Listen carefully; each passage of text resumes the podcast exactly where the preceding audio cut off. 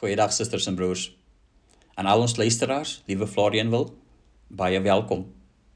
Dit is nog 'n aand, laaste aand eintlik om te luister na die Here, na wat die Here vir ons wil sê vanuit sy woord uit. Nog 'n keer hoor wat beteken dit om voor die aangesig van die Here te lewe. Met ander woorde, die lewe coram deo. Die wins van Pinkster is altyd dat ons aand na aand rondom 'n tema kan luister na wat die Here sê. En so kry hierdie woord van die Here inslag in ons harte en ons lewens en is dit eintlik besig om onsself te verander. En ek glo vas dat Pinkstertye vernuwingstye in ons harte en ons lewens is. En al sou ons dit dalk nie op die oppervlak bespeer nie, iets verander altyd wanneer ons in gebed en by die lees van die woord by mekaar kom. Jy moet dit vertrou. Ons is reg om te begin. Ek sal vir ons open met gebed. Vader, dankie. Dankie vir Pinkster vir hierdie jaar ten spyte van pandemie tyd. Baie dankie Here vir u woord. Baie dankie vir gebede. Baie dankie vir liedere. Dankie Here dat ons voor U aangesig kan verskyn. En eintlik dan te besef Here dat ons nog gedurig Here in die teenwoordigheid gelewe het. Sien ons met hierdie laaste aand Here stuur die lig en die waarheid. Amen.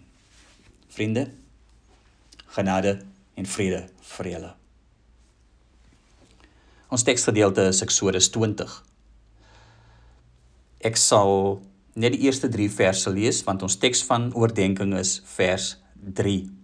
Maar ek lees vir u van hierdie ou vertaling, 1933, 1953 vertaling.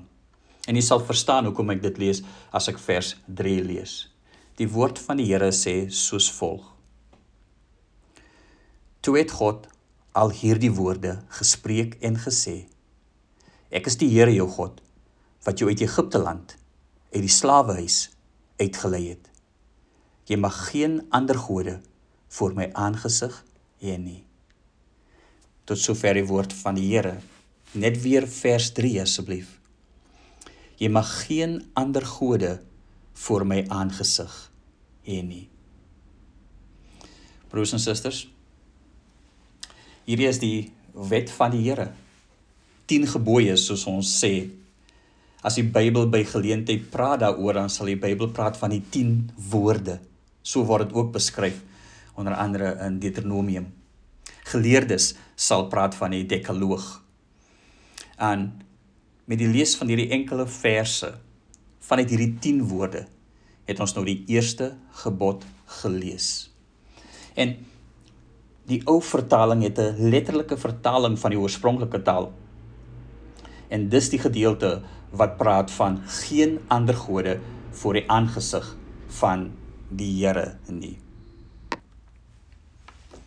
Israel het dit met ander woorde verstaan. Geen ander gode mag binne die aanbiddingsruimte van hulle tempel wees nie. Geen ander gode mag in die teenwoordigheid van die Here kom nie. Eksklusief is die Here hulle God. Hy is die Heer van Israel en niks en niemand anders nie. As mens eintlik daaroor dink, is die voorskrif eintlik oorbodig dan nie. Daar is tog geen ander God behalwe die Here nie. Hy is tog die enigste, die een en al. Hy is tog die almagtige. Daar's werklik geen ander gode nie. En dit bly waar dat die God wie ons dien is die enigste Here. Die probleem is ons het ander gode. En dit is waar. Want sien, God weet dat ons harte altyd maar weer neig na afgodsdienst toe. En ons fabriseer voortdurend afgode in ons harte en in ons lewe. U onthou hoe Israel 'n goue kalf gemaak het en dit aanbid het. En so het ons ook ons eie afgode wat ons self self maak, self fabriseer.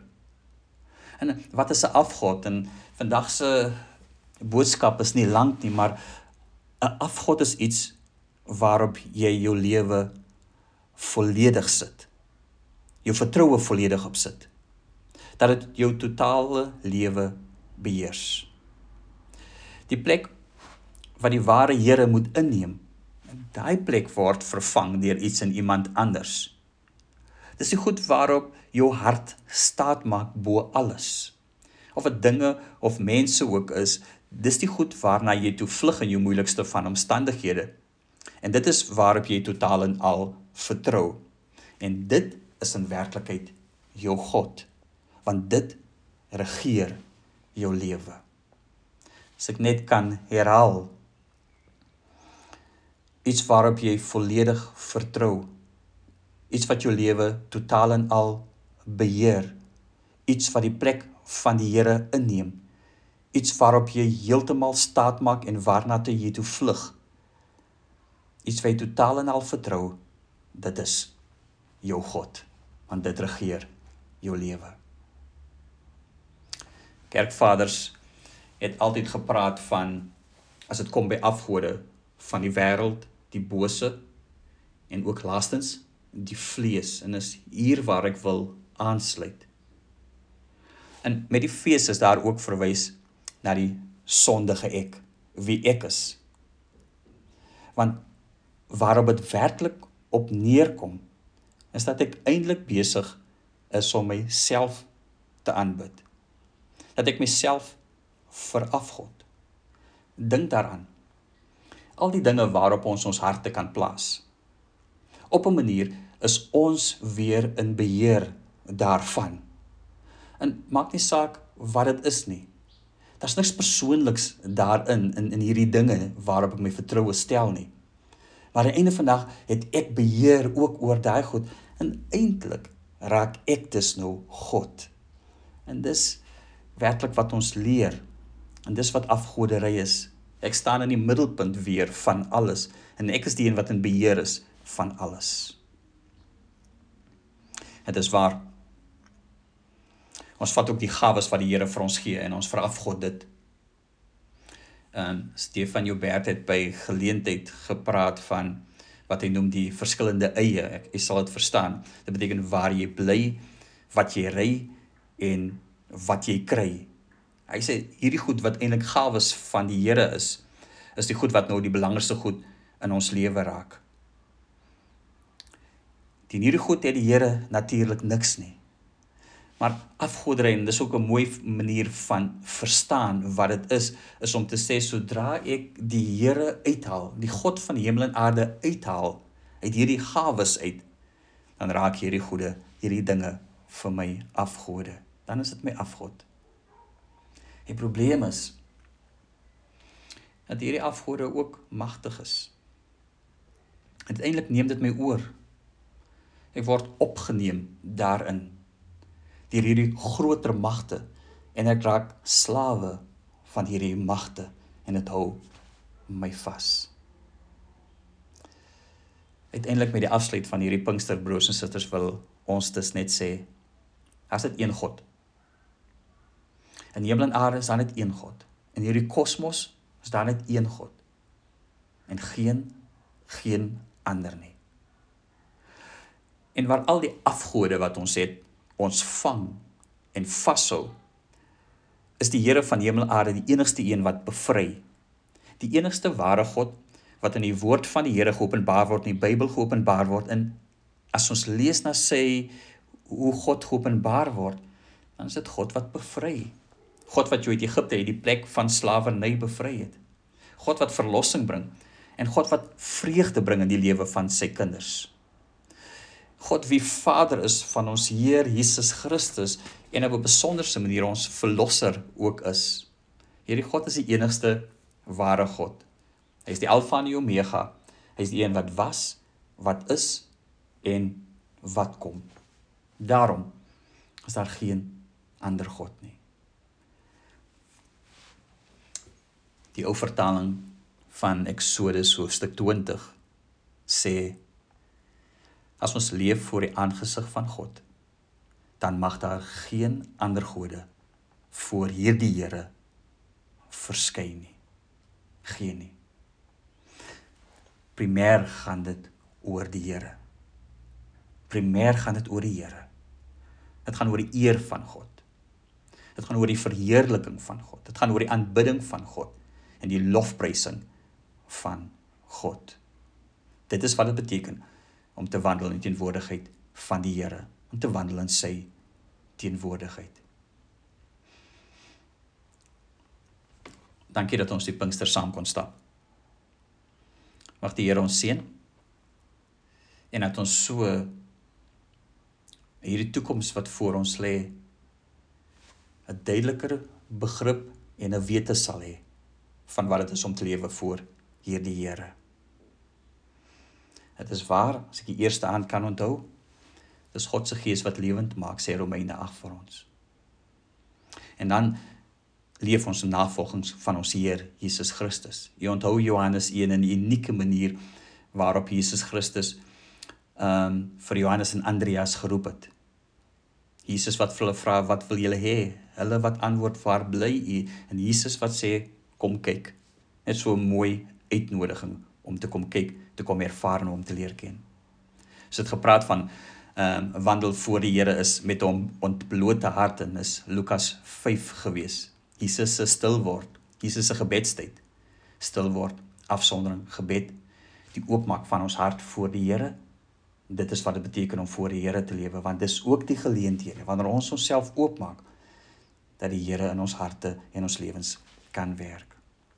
Om kind van die Here te wees en te leef voor sy aangesig beteken ook dat ek deel is van sy kerk van sy volk, nê? Nee? Psalm 84. Hoe sê die Psalm? Liewer twyfelend op die drempel en van die kerk as om te woon in die tent van die goddelose. Hm? En nou die vraag, sal die toekoms nog 'n kerk hê? En dis die vraag vir ons, sal ons sorg dat die kerk altyd bestaan? Ons deel doen. Die Here sal steeds sy kerk in stand hou. In verantwoordelikheid tot die wêreld sê Micha 6. Dan word dit doen reg, bewys liefde en trou, bewys bedagsaamheid, dien die Here, né? Maar hierdie goed gebeur nie net in die kerk en die geleenthede wanneer ons as kerk bymekaar is, dit gebeur in die wêreld en spesifiek teenoor weerloses vir die wie die Here ook besonder voorlief is. Lukas 15 in versekering en vergifnis. Ons kan nie vaste sekerheid hê dat ons leef voor 'n soekende God. En hierdie God sal altyd na ons soek. Wonderlike troostende gedagte van Lukas 15 en hy twee gelykenisse. Om teen hoop op hoop te wandel. Filippense 1, dit was Paulus se lewe. En ten spyte van sy erge lyding is hy die persoon wat teen hoop hoopvol die woord van die Here verkondig het, wetende dat die koninkryk sal groei. En gisteraan Jakobus 4, so die Here wil, so lank lewe. Die ovalente in erkenning van die Here elke dag te lewe in die doen van die wil van die Here elke dag. Dankie vir die saamreis. Die Here seën ons. Amen. Ek doen weer vir ons se gebed. Dankie Here vir die getrouheid aan aan ons almal in hierdie pandemie tyd Here moes ons weer leer wat beteken dit om vir U te lewe. Dankie daarvoor. Dankie vir die vergifnis. Dankie Vader dat U 'n genadige God is, 'n soekende God is. Here, 'n God is wat voorsien. Dat U 'n God is, Hemelse Vader, wat op besondere maniere vir ons daar is sien ons waar ons einde gekom het van die Pinkster. Help ons Here met alles wat ons ervaar en deurmaak. En dra vir ons Here dag vir dag asseblief. En gee Vader dat ons deur die woord en gees Here uiteindelik Here dit net sal navolg en sodoende getrou sal wees daaraan. Sien ons Here. Ek vra in Jesus naam. Die genade van ons Here Jesus Christus, liefde van God ons Vader, troos en bemoediging van die Heilige Gees is met elkeen van ons. Ons antwoord. Amen.